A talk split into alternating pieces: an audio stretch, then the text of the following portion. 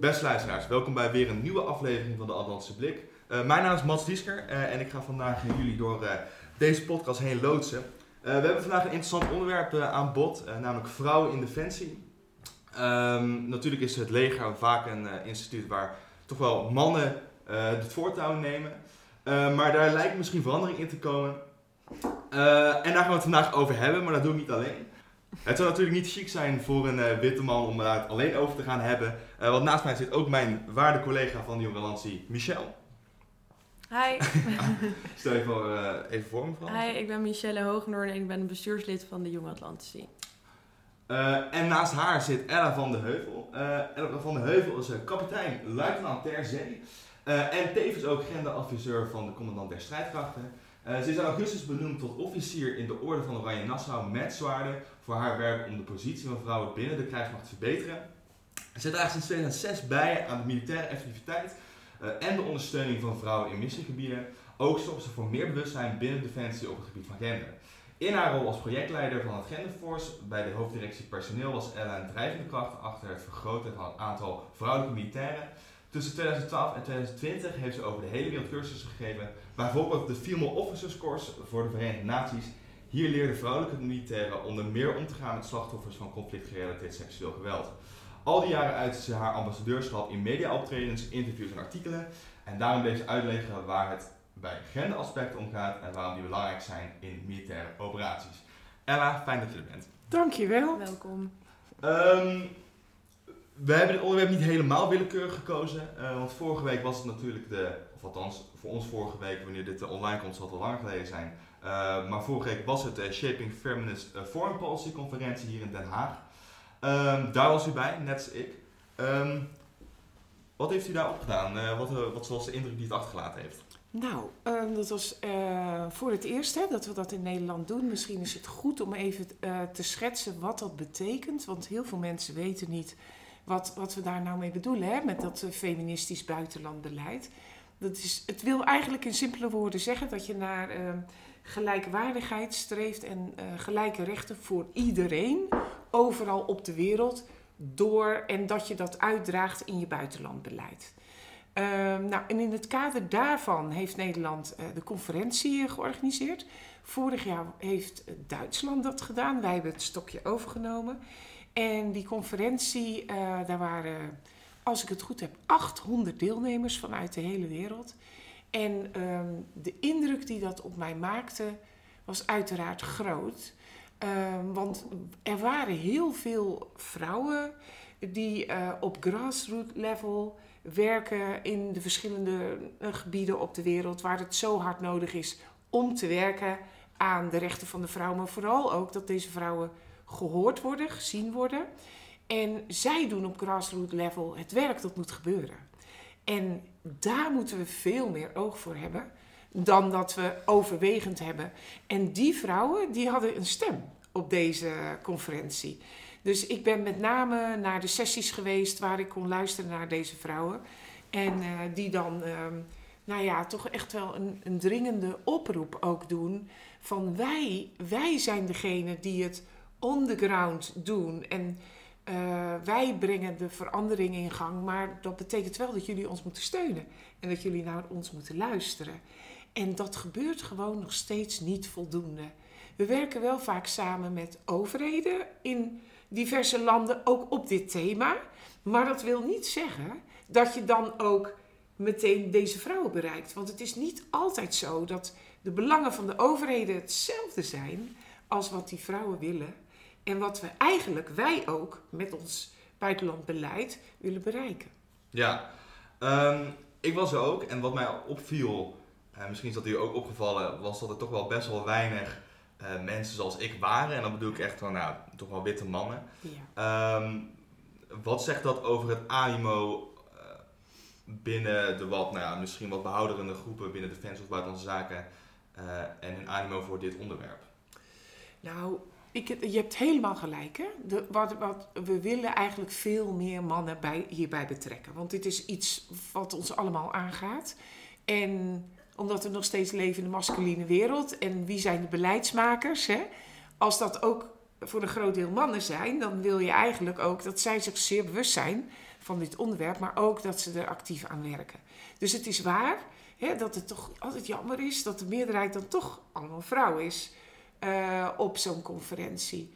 Want dat, dat wil niet zeggen dat we geen mannen hebben of geen besef hebben uh, van het genderperspectief, maar ook wat er moet gebeuren. Om eigenlijk de vrouwenvrede en veiligheid agenda vooruit te brengen. Als je kijkt naar het ministerie van Defensie en het ministerie van Buitenlandse Zaken, dan wordt daar heel hard aan gewerkt. En er worden ook stappen gemaakt. Ook al zijn de stappen heel klein, het besef is er. Uh, genderbewustzijn zie je dat dat steeds toeneemt. Nog steeds niet voldoende, mhm. maar het is er niet helemaal niet. Ondanks dat dat misschien niet zo zichtbaar is op zo'n conferentie. Ja, we gaan het daar uitgebreid over hebben, uh, de, zo dadelijk. Uh, maar ik wil het eigenlijk nu even vooral over uh, u hebben. Nou, gewoon een eerste vraag. Ehm, wat dreef u om u aan te sluiten bij Defensie? En wat waren uw ervaringen als vrouwelijke marineofficier toen u daar in opleiding was in de beginnende jaren? Ja, dat is een hele goeie. Daar kan ik twee dingen, daar wil ik in eerste instantie twee dingen over zeggen. Bij Defensie hebben wij een rotatiesysteem. Hè? Dus om de zoveel jaar wissel je van functie. En ehm, ik ben gewoon op een goed moment in 2006 van de gang geplukt. Door een generaal met twee sterren op zijn schouder. Die zei, de civiele uh, collega die uh, het genderdossier leidt, dat was een heel klein team, die uh, heeft opgezegd. En uh, we hebben nu iemand anders nodig. Ik wil graag dat het een militair, een vrouwelijke militair is. En ja, eigenlijk mijn oog is gevallen op jou. Ik zou graag willen dat jij dat gaat doen.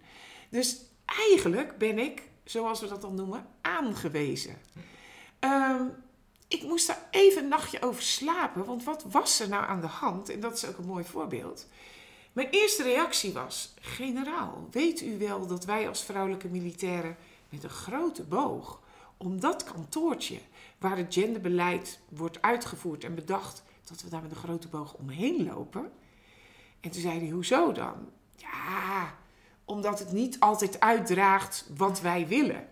Maar eigenlijk wat er gebeurde, wat ik mij toen niet helemaal besefte, maar nog maar half, is dat ik eigenlijk mij voor een deel gewoon conformeerde aan het heersende gedrag.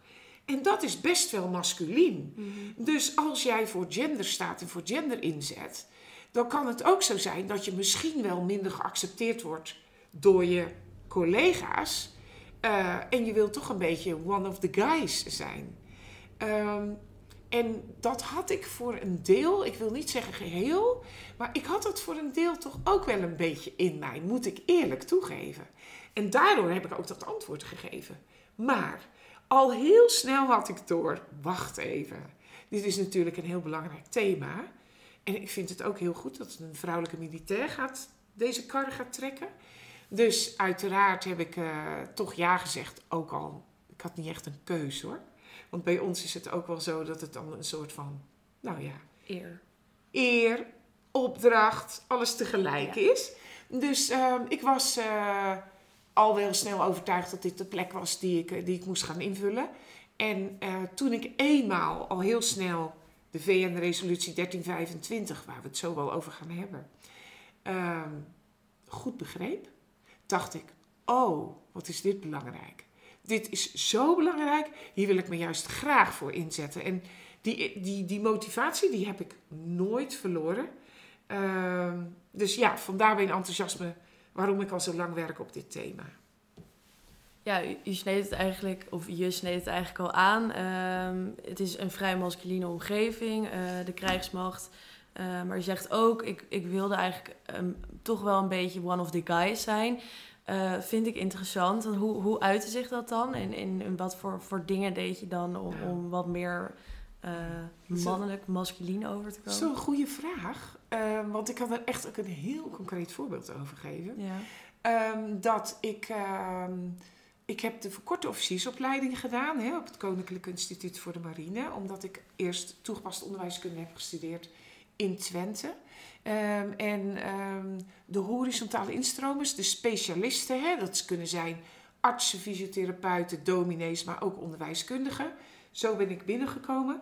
Die krijgen dan een verkorte officiersopleiding. Dus toen ik binnenkwam, eh, heb ik die opleiding gedaan. Vervolgens ben ik op het KIM, dus het Koninklijk Instituut voor de Marine, gaan werken als onderwijskundige. En eh, daar begon dan mijn militaire carrière, mijn carrière in uniform. En ehm, ik ben wel, ehm, ik hou wel van avontuur en ik hou van sport.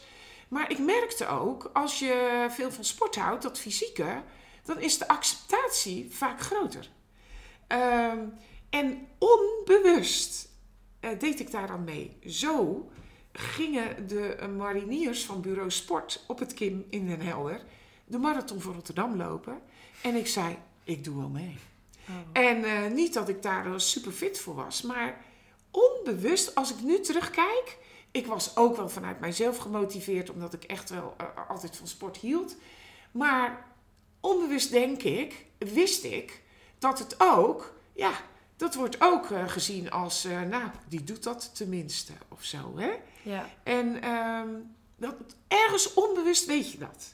Dat fysieke, hè, dat, dat, dat is ook op, eh, op de KMA. Hè. Twee jaar geleden is een onderzoek geweest hè, door Irina, die dat ook naar voren bracht.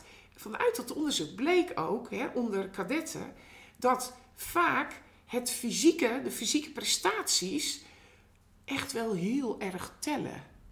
Uh, dus ik was dat, ik moet zeggen, onbewust bewust of bewust onbewust, mm -hmm. speelde dat bij mij ook. Ja. En denk je dan dat die focus daar niet op zou moeten liggen? Uh, je, gaat je bent natuurlijk een militair in opleiding, uh, dus het is zeker ook van belang. Uh, of, of vind je dat het eigenlijk ook wel iets positiefs meebrengt? Dat je misschien gaat meten aan mensen die tot fysiek meer in staat zijn, of, of tenminste denken dat ze dat zijn? Ja, dat denk ik. Ik denk zeker dat het heel positief is.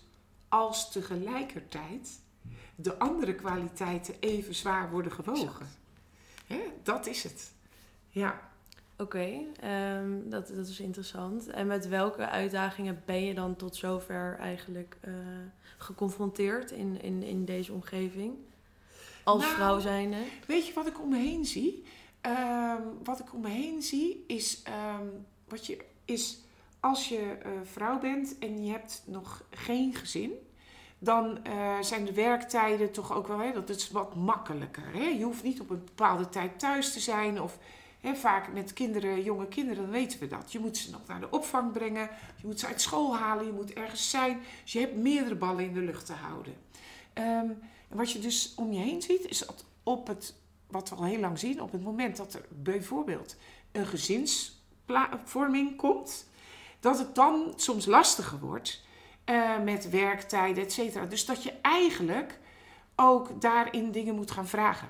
Je moet uh, vragen om, kan ik wat later komen? Of daar kan ik niet zijn, want dat red ik niet. En dat is best wel een omslag. En je ziet dat het niet altijd even makkelijk is, die combinatie. Hè? Werk als militair plus een gezin. Nu zien we wel door de tijd heen dat, het echt steeds, dat we daar steeds flexibeler mee omgaan, zeker na COVID.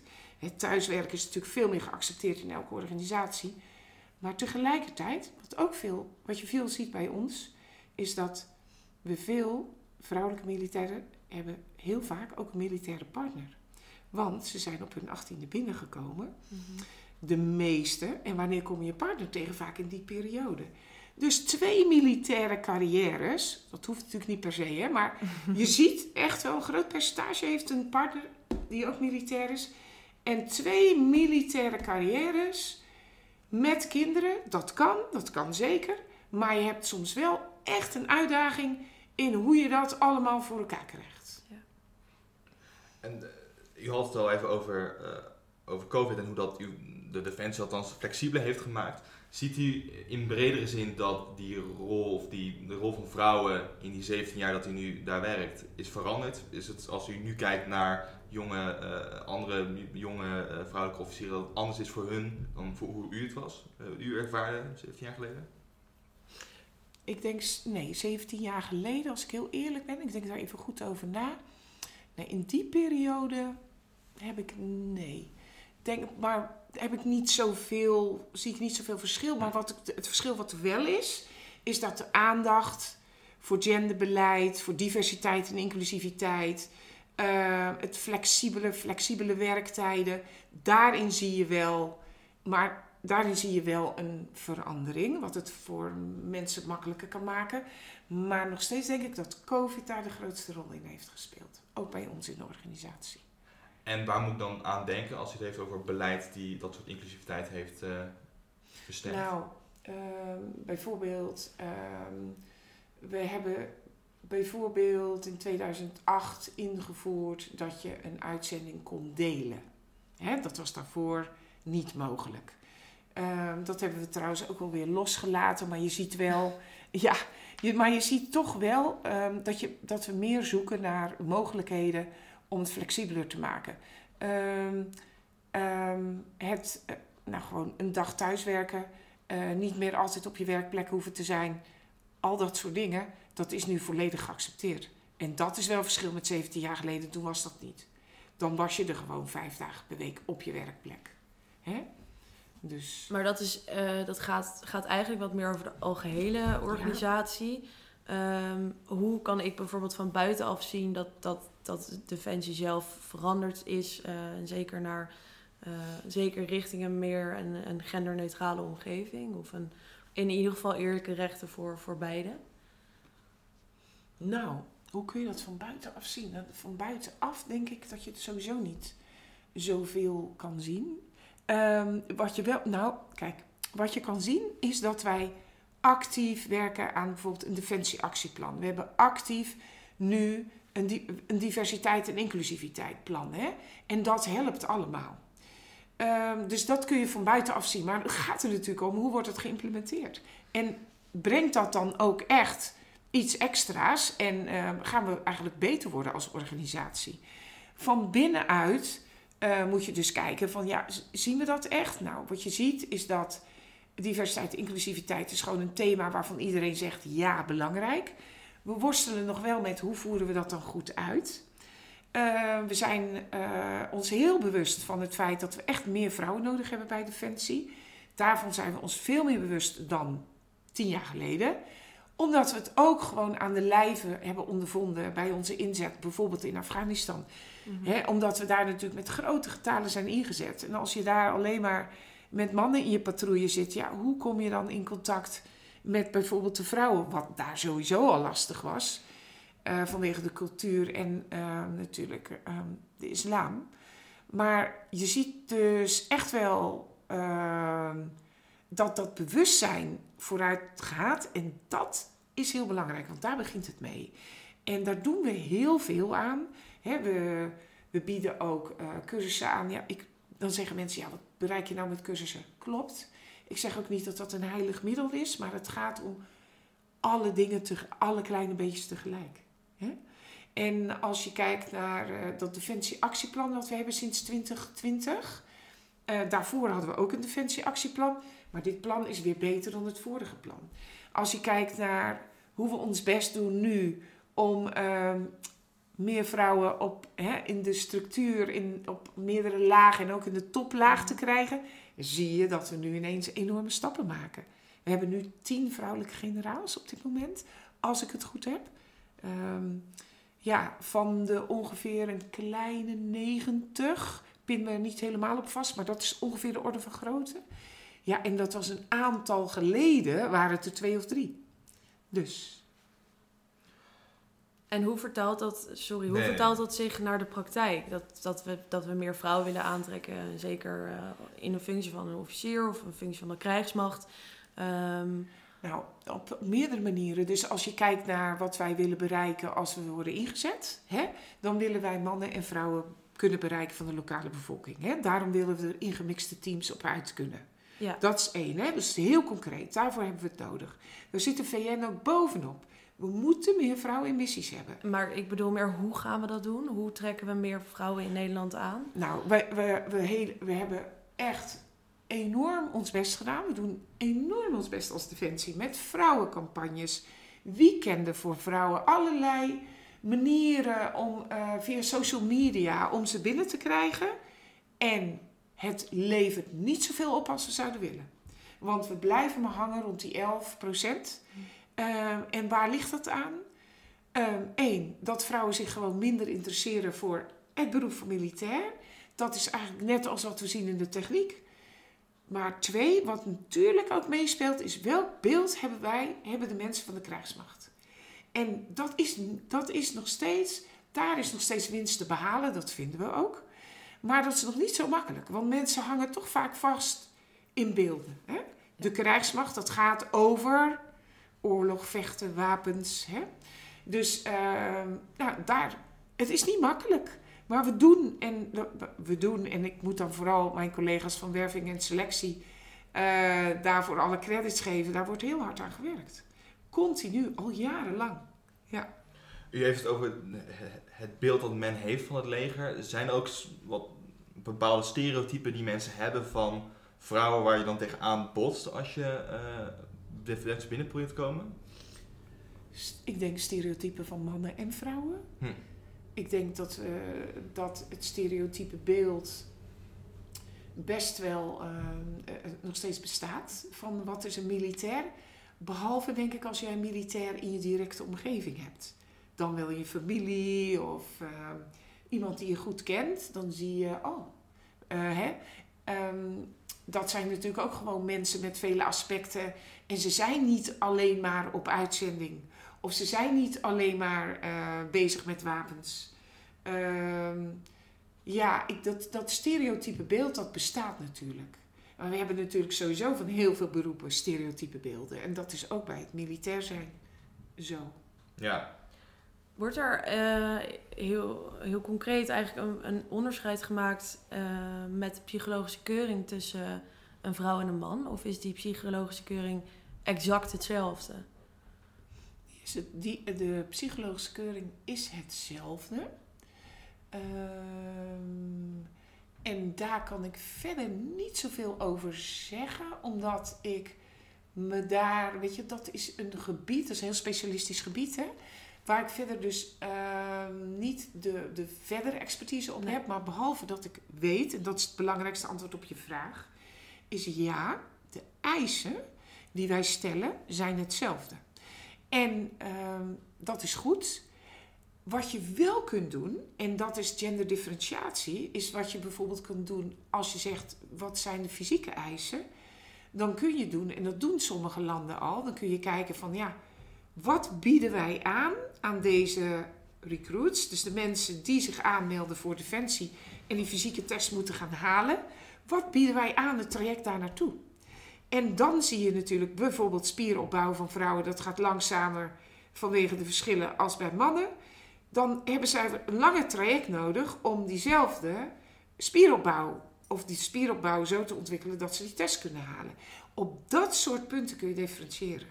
Maar dat is fysiek. Uh, Ik denk eigenlijk, uh, ik weet er niet heel veel vanaf. Uh, ik heb hem wel één keer doorlopen, psychologische keuring. Um, maar op, op, op het gebied van het, het testen aan emotioneel niveau of, of wat. Ik denk niet dat daar eventueel ook iets valt te halen. Om, ik denk zeker dat er Omdat wat, ik weet ja. niet of er meer vrouwen uiteindelijk worden afgekeurd dan mannen. Alleen uh, ik denk wel, weet wel zeker dat mannen en vrouwen anders ja. in elkaar zitten. Ja. Uh, dus bij het allerbegin, ofwel de keuring, de psychologische keuring voor de officiersopleiding.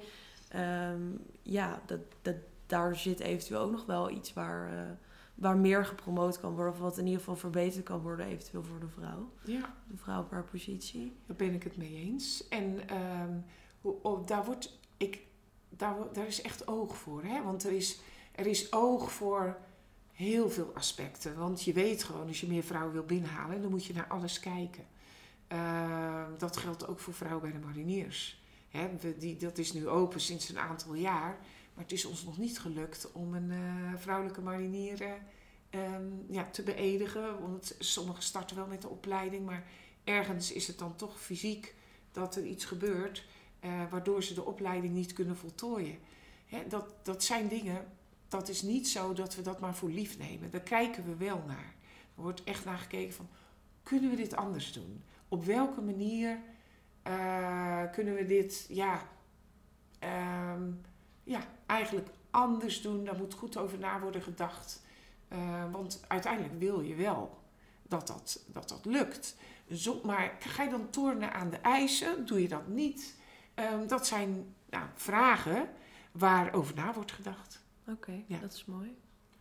Ehm, eh, misschien een wat andere vraag, maar ik kan me voorstellen, hè, Defensie, een, toch wel wat conservatief, misschien niet het goede woord, maar wel een wat tradi- traditionelere eh, instituut. Ehm, merkte u toen u aangesteld werd als agendaadviseur dat dat ontvangen werd door uw collega's met een zekere sceptisch over de nut of het belang hiervan? Ja, zeker.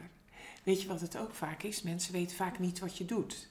En dat, dat is natuurlijk wel door de jaren ook veranderd. Hè? Dat is echt veel. Het is nu al een veel bekender onderwerp dan dat het was. Maar ja, zeker.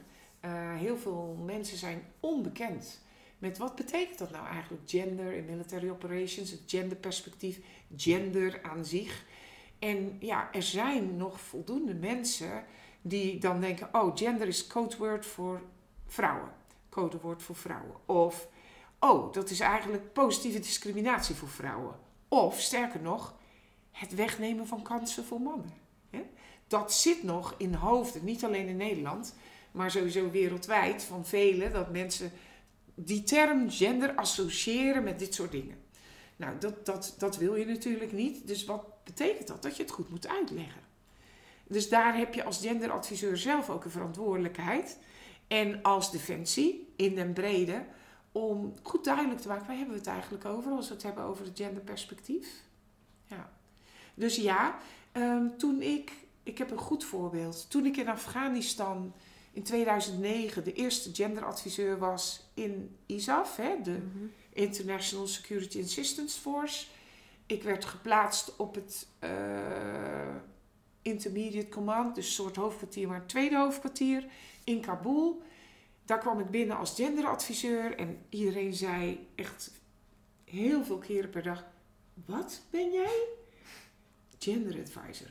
Wat betekent dat? En dan moest je vol geduld blijven uitleggen waarvoor je er was. En dan moest je daarbij ook uitleggen dat je er niet, dat je geen genderpolitie bent. Hè? Dus dat het niet zo is dat jij komt controleren of de heren en de dames eh, douches wel ver genoeg van elkaar afstaan. Hè? Dus daar eh, heb ik ook wel weer, dat wist ik al, maar extra gemerkt hè, hoe onbekend het is. Als je nu kijkt, zie je nog steeds dat een deel van de mensen onbekend is met de term gender, maar ook wat doet een genderadviseur. Maar je ziet wel, gelukkig, dat daar ook stappen in zijn. Eh, en dat ook heel veel mensen nu wel begrijpen wat het is. Omdat ze op een of andere manier ermee in aanraking komen. Je leest er veel over, het wordt veel genoemd. Het staat gewoon hoog op de agenda. Hè? Ook eh, van ons eigen beleid, maar ook wereldwijd, van NATO, VN. Je komt het gewoon overal tegen. En dat, dat helpt. Maar we hebben nog steeds wat, wel wat te doen. Ja. Ziet u dan ook bij uw collega's dat er eh, misschien moeite hebben met een soort van balans vinden tussen toch wel de militaire traditie en inclusiviteit en genderbeleid? Ik zou het niet durven noemen militaire traditie, maar wat je misschien bedoelt is gewoon. Institutioneel. Het eh, instituut, ja, ja, ja, dat bedoel je. Het, ja, precies. Hoe, hoe gewoon, hoe we zijn ingericht. Ehm, en eh, waarom moet dat anders? Hè? Ja. Ja. Ehm, waarom hebben we eigenlijk meer vrouwen nodig? Ja. Nou, dat werd toen ik begon vaker gezegd dan dat het nu wordt gezegd. Omdat we gewoon, we, we benadrukken altijd, ja, het is gewoon effectiever. Het gaat over de operaties.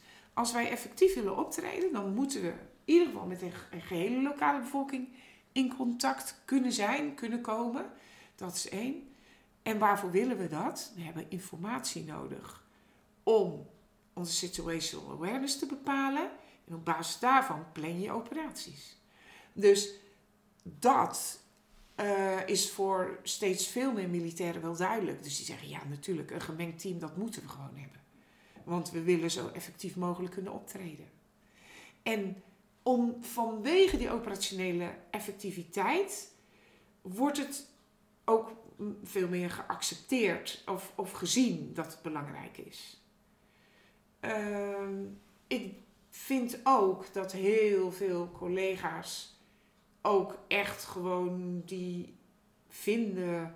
eh, daarvan krijg ik terug van ja, natuurlijk moeten we ook gemengder zijn in alle lagen van onze organisatie. Dat is niet meer dan logisch. Ehm, Maar en, en, zijn er ook mensen die heel sceptisch zijn? Uiteraard. Want In elke organisatie En natuurlijk nog ja. steeds helaas zo. ja, Ehm, nu ben ik eigenlijk wel benieuwd. We hebben het hier in ieder geval over eh, man-vrouw verhouding. In ieder geval, eh, het is een positieve beweging. Eh, maar volgens mij ging de eh, Feminist Foreign Policy Conference over iets meer nog. En het gaat volgens mij ook over, eh, ehm, over LHBTQ. Ja. eh, ehm, inclusion. Eh, Ja. Zie jij daar al bewegingen in, in, in binnen Defensie? Ja. Is dat onderdeel van hetzelfde eh, wat je doet? Ja. En kun je daar wat meer over vertellen? Ja, dat is een heel goed punt. Ja, ook daar zijn we heel hard mee bezig. Wat we, wat we doen is, we, we, we, we hebben eigenlijk twee lijnen. Dus we hebben vrouw, vrede, veiligheid, wat ik doe. Women, Peace and Security. VN-resolutie 1325, die zich vooral focust op vrouwen eh, in, de, in de missiegebieden. eh, die beter beschermd moeten worden. En die participatierol die zo ontzettend belangrijk is. En dat vrouwen ook een rol kunnen spelen in preventie van conflicten. Dus dat hele gender en militaire operaties, dat is mijn dossier samen met twee collega's. En dan hebben we diversiteit en inclusiviteit, hebben we ook als lijn. En natuurlijk werken wij als collega's heel nauw samen. Maar die beleidslijn, diversiteit en inclusiviteit, is heel scherp neergezet.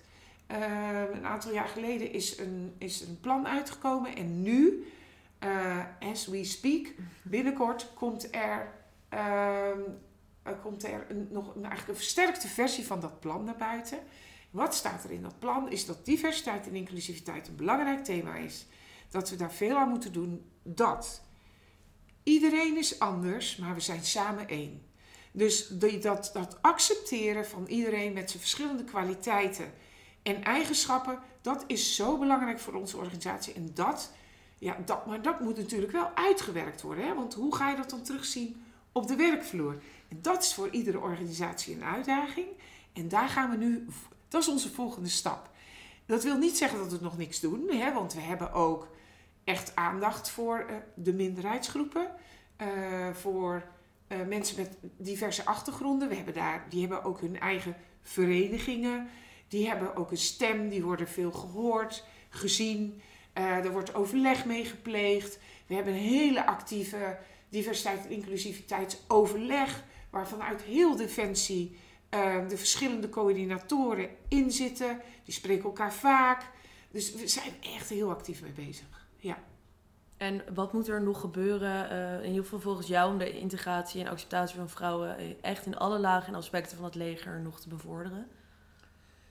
En nu heb je het uh, sec over vrouwen, hè? Ja, nu Ja. heb ik het over vrouwen. Ja, je ja. vertelt, het is niet per se jouw dossier. Nee, nee, nee, nee. Nee, Ehm, nee maar dat, dat vrouwen is zeker Eigenlijk mijn dossier. eh, inderdaad over beide partijen, laten ja, we ik dat snap wat je bedoelt. Wat moet er nog Gewoon de inclusiviteit te bevorderen. Wat, wat mist er nog? Wat, Nou, ehm, wat, wat, kijk, dat, het is altijd heel lastig om je vinger erop te leggen op dit soort dingen.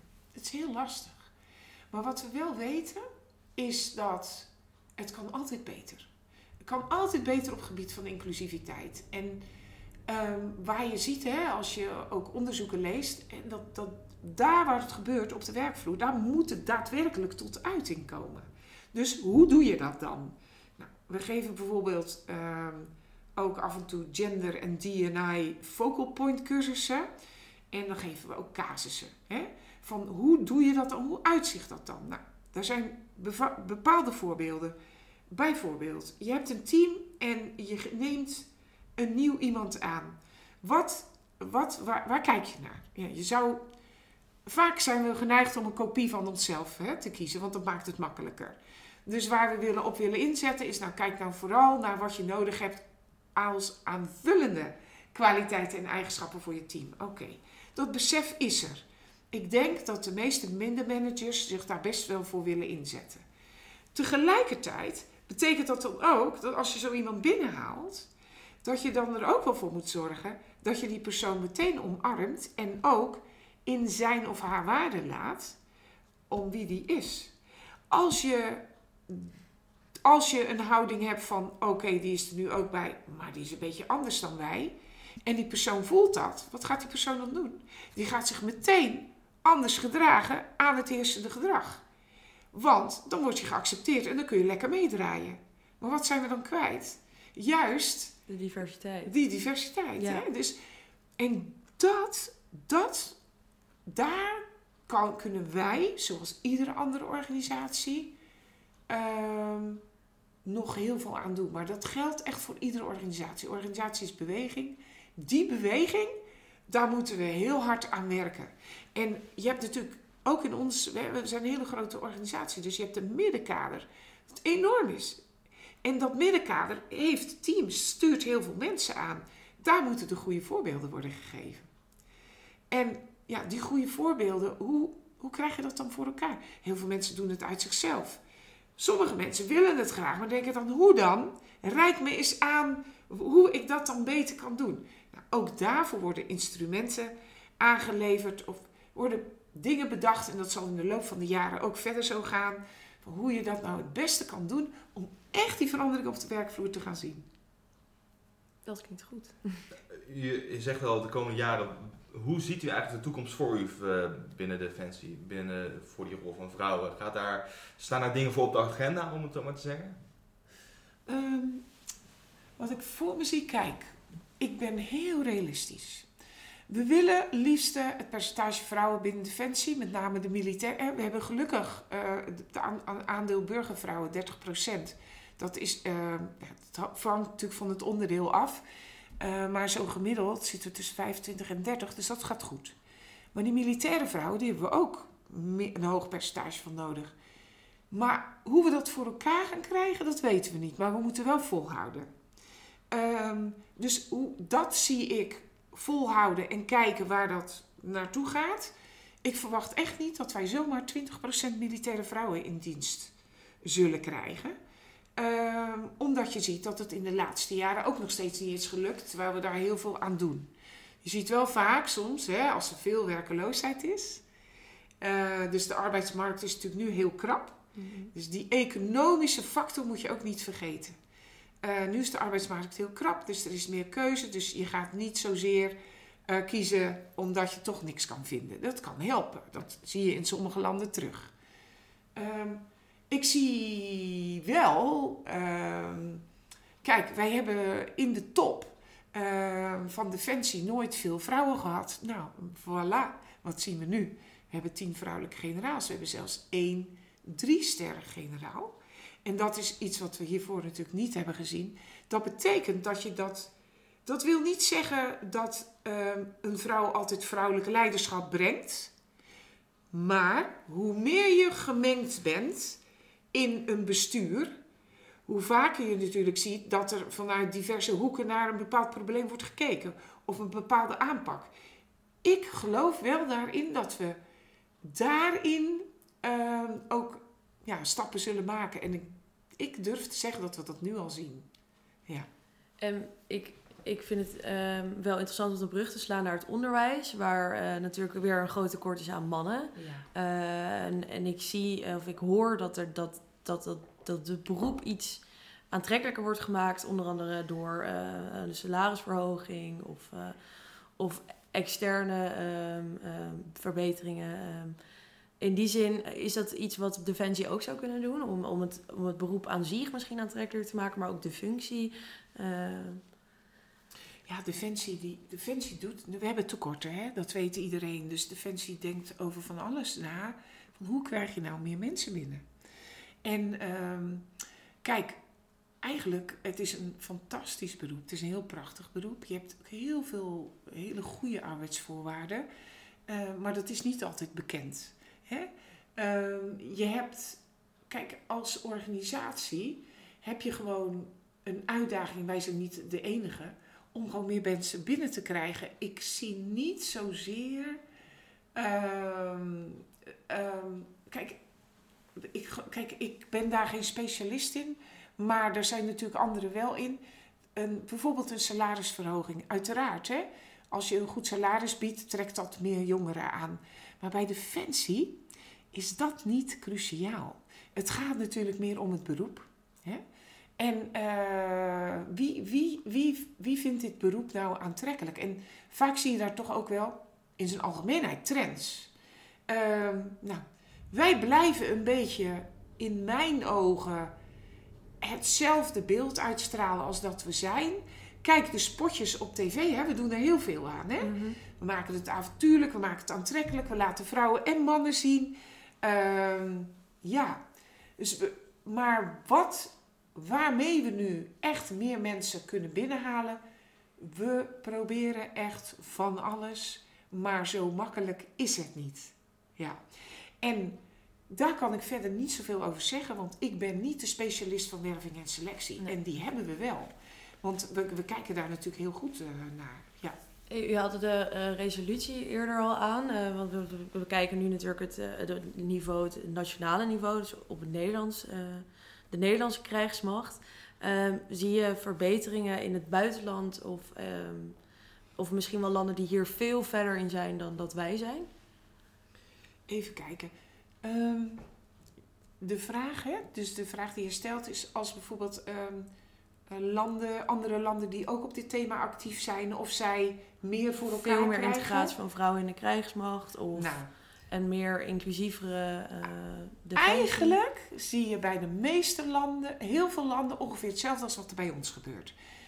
Er wordt vaak gezegd, ja, maar in Zweden, hè, of de Nordic countries, die zijn veel verder. Dat is niet zozeer zo. Het is natuurlijk wel zo dat Zweden sowieso een hele andere cultuur heeft. Hè? Dus dat, dat mannen en vrouwen sowieso veel meer. ehm, ja, en dat, dat zit gewoon, die gelijkwaardigheid zit meer in hun cultuur. Dus dat zie je ook wel terug in de krijgsmacht. Maar het is niet zo dat zij. dat het voor hen makkelijker is om meer vrouwelijke militairen binnen te krijgen of wat dan ook. Ehm, wat je, de landen waar je ziet die bijvoorbeeld een hoog aantal vrouwelijke militairen hebben, bijvoorbeeld Zuid-Afrika. Wat is dat zit daarachter? Die economische drive. Want een baan bij Defensie betekent vastigheid, hè, een, een, een, inkomen waar je op kan, eh, kan rekenen. Hè, en, en daarnaast een beroep, wat die vrouwen ook al willen doen. Maar, dus je ziet, hè, wat zijn de incentives? Ehm, ja. Bij dus, het is dus niet zo, kijk, als je kijkt eh, naar Canada, die hebben een aantal jaren geleden enorm geïnvesteerd in gender. In die zin, bam, zij gingen, een veel grotere krijgsmacht. Maar zij hebben toen ineens besloten om bij al hun eenheden of de verschillende services een ehm, genderadviseur neer te zetten. Dat ging zo bam. Eh, dat, vond ik, dat vond ik echt heel bijzonder en mooi om te zien. En Canada trekt er ook heel hard aan om, eh, om hun leger meer genderbewust te krijgen, et cetera. Maar het is niet zo, als ik nou kijk naar alle NATO-landen, het is niet zo dat er nou één land tussen zit waarvan we zeggen, nou, die doen het echt zoveel beter dan de rest. Nee. We worstelen allemaal een beetje met hetzelfde. Eh, 1325 staat wel hoog op de agenda, hè, die resolutie. Vrouwen veel in veiligheid, meer vrouwen in de krijgsmacht. Erop uitgaan in gemengde teams. Vooral die, die aandacht voor die lokale vrouwen, naar hun stem luisteren, et cetera. Die aandacht, die is er. Maar echt die implementatie on the ground, hè, waarvoor we dat eigenlijk doen, daarvan zie je dat dat best nog wel lastig is. Maar ja, dan moet je ook weer, dan kom je bij de volgende stap. Want waarvoor doe je dit? Eigenlijk wil je die vrouwenvrede en veiligheid agenda. En die vrouwen willen, vrouwen en meisjes, willen beter beschermd worden. Conflict gerelateerd seksueel geweld. We weten, we weten, dat speelt overal. Hè? Die bescherming is heel belangrijk. Maar wat kunnen we daaraan doen? Nou, als we in missies zijn, dan kunnen we, dan kunnen we één, het begint met bewustzijn. En twee, op welke manier kun je die vrouwen dan beter beschermen? Eh, die participatierol. Wat kun je doen om die participatierol te ondersteunen? De vrouwen die graag gehoord willen worden. Want dan zie je bijvoorbeeld dat genderadviseurs in de missies daar een hele mooie rol in kunnen spelen. En die kunnen bijvoorbeeld optreden als liaison tussen de Mhm. lokale bevolking en de, en de missie. Daarnaast kunnen ze ook direct vragen aan die vrouwen: hoe kan ik jullie eigenlijk helpen? Of hoe kunnen wij jullie eigenlijk helpen? Wat kunnen we eigenlijk voor jullie doen? En wat speelt hier nou echt? En ehm, daarin moet ik zeggen: kijk, daarin zijn we wel vooruit gegaan, wereldwijd, maar nog steeds lang niet voldoende. Als je vorige week op de conferentie hoorde van die vrouwen die echt voor hun kleine en grote gemeenschappen ehm, zich inzetten om ehm, hun, eh, de, de vrouwen om hen heen beter te beschermen, maar vooral ook de participatierol, dan zeggen ze allemaal: kom naar ons toe, luister naar ons. En dat gat is nog best wel groot. Hè? We hebben een heel goed beleid, we hebben die resolutie, we hebben een, heel veel landen hebben Nationaal Actieplan 1325, meer dan 100 landen. Sommigen hebben ook een defensieactieplan, zoals wij. Maar wat zie je daar nou echt van terug on the ground? Nou, daarvoor zie je dus bijvoorbeeld, zoals wij als Nederland. Wij hebben toen in Afghanistan gezegd, we hebben onze vinger opgestoken. Wij gaan een genderadviseur leveren. Noorwegen deed dat ook. Dan kun je echt daadwerkelijk iets betekenen. Op dit moment hebben wij twee stoelen in twee verschillende missies. Unifil, Zuid-Libanon, VN-missie. Daar hebben wij een militaire genderadviseur zitten. Die stoel is van Nederland, die vullen wij. Daarnaast hebben wij, is nog een hele kleine onbekende missie. Die heet United States Security Coordinator. Uh, hoofdkwartier zit in Jeruzalem, wordt geleid door Amerika. Onder andere Canada, uh, de UK, wij en nog wat landen zitten daarin. Een hele kleine missie. Wat hebben wij vorig jaar gezegd? Oké, wij zitten hier met zes mensen in. Maar één van onze posities, wij willen voorstellen om daar een genderadviseur van te maken. Dus dat doen we nu. Ik was de gelukkige die dat voor het eerst mocht invullen. Nou, wat je dan ziet, is dan kun je echt ook heel concreet wat doen. Uh, want je bent vrouw, je kan makkelijk contact maken met de vrouwen. En dan kun je ook aan hen vragen, hoe kunnen we jullie ondersteunen? En dan komt daar van alles. Uh, ja, dus je ziet gewoon waar, hè, ik wijd heel erg uit op jouw vraag, dat snap ik. Maar dit is wel de kern waar het om draait, hè? want we willen uiteindelijk, we willen uiteindelijk on the ground willen we het verschil maken. Dat is helemaal niet erg en ik denk dat het een mooie boodschap is. Uh... Ik denk dat we hier nog makkelijk uren over zouden kunnen praten, maar we naderen al wel een beetje het einde. Misschien als een soort van afsluitingsvraag. Uh, wat zou uw advies zijn aan jonge dames, er zit hier een naast me, die wellicht een carrière in Defensie zouden overwegen? Kom bij Defensie. Ik ja. al bij Defensie. Ja, jij bent er al. Nou, hè? ik ben geen militair. Maar inderdaad, voor vrouwen, jonge meiden, uh, of tenminste jonge meiden, uh, meiden die middelbare school afronden, dus in dezelfde leeftijd of naar de KIM, naar de KIM of naar de KMA gaan. Ja. Hoe, wat zou je adviseren in, in, deze, in deze huidige ja. tijd? Ik zou, ik zou adviseren, verdiep je eens in het beroep van militair. En, um, en ik ga het beeld nu weghalen bij deze, voor al deze, deze jonge mensen. Dat het echt niet alleen gaat over uh, vechten en wapens. Integendeel. Als je ziet hè, waar de VN zich voor inzet, hè, uh, is natuurlijk met name peacekeeping. Nu is er weinig peace to keep in de wereld, helaas. Dus we noemen het peace operations. Maar weet je, we zetten ons in voor vrede en veiligheid. En jij, als, als, als uh, medewerker van Defensie, zowel militair als civiel, maak je deel uit van dat proces. Je kan jouw steentje bijdragen aan vrede en veiligheid in de wereld. Uitzicht dat dan ook meteen? Nee, natuurlijk niet. Want dat kijken om ons heen. Hè? het is helaas zo, hè, de wereld staat in brand. Helaas. Ehm, maar uh, wij zijn wel een organisatie die daar uh, proberen, wij werken daaraan. We, we doen, je werkt dus daadwerkelijk mee als kleine schakel in een grote organisatie binnen Nederland, maar ook binnen NATO, VN, EU, soms African Union. Je bent dus onderdeel van zo'n organisatie die eigenlijk voor heel die staat voor vrede en veiligheid. Dat is een prachtig doel om aan te werken. Dan wil ik daar vooral bij zeggen, er zijn zoveel verschillende beroepen eigenlijk die je kunt uitoefenen bij Defensie. heel veel mensen weten dat niet. Er is echt een scala aan dingen die je kunt doen. Van logistiek tot in de zorg, tot het werk wat ik doe, ehm, tot aan, ehm, nou ja, je, je, je snapt het, het is een hele grote organisatie, dus er gebeurt van alles. Dus er zijn gewoon heel veel mogelijkheden. Daarnaast is het zo dat het eigenlijk basissalaris is heel goed. Uh, de arbeidsvoorwaarden en de tertiaire voorwaarden zijn heel aantrekkelijk. Je hebt iets heel bijzonders bij Defensie wat je niet zo snel vindt in een andere organisatie. En dat is kameraadschap. Een defensie is meer dan een normale baan alleen. Het is niet dat je 24/7 hoeft aan te staan, dat is het niet. Maar tegelijkertijd is wel, je bent ook, sommigen zeggen het is toch een beetje een grote familie. En zo voel ik dat ook.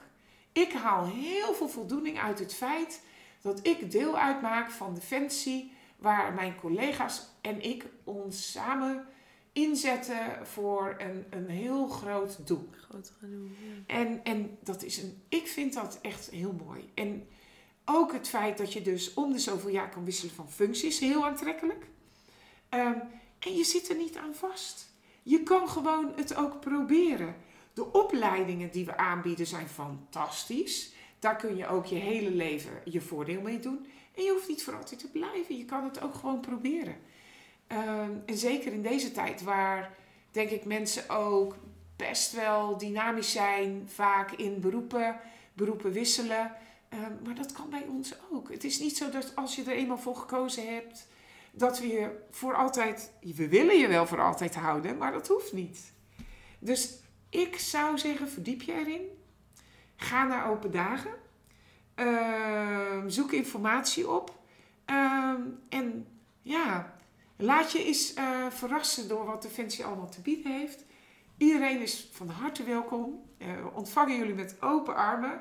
En ehm, je gaat er echt geen spijt van hebben. Nou, dat klinkt erg goed. Ella, ik wil jou ontzettend bedanken voor het feit dat je hier eh, bent komen aanschuiven. We zijn altijd heel erg blij als gasten ja zeggen op onze uitnodigingen. Uh, Michelle, fijn dat jij er ook uh, was om mij bij te staan vandaag. Um, en ook dank aan de luisteraars, vooral de dames. Hè. Neem ten harte wat je hier vandaag gehoord hebt. Uh, dank voor het luisteren en hopelijk tot de volgende aflevering. Dankjewel.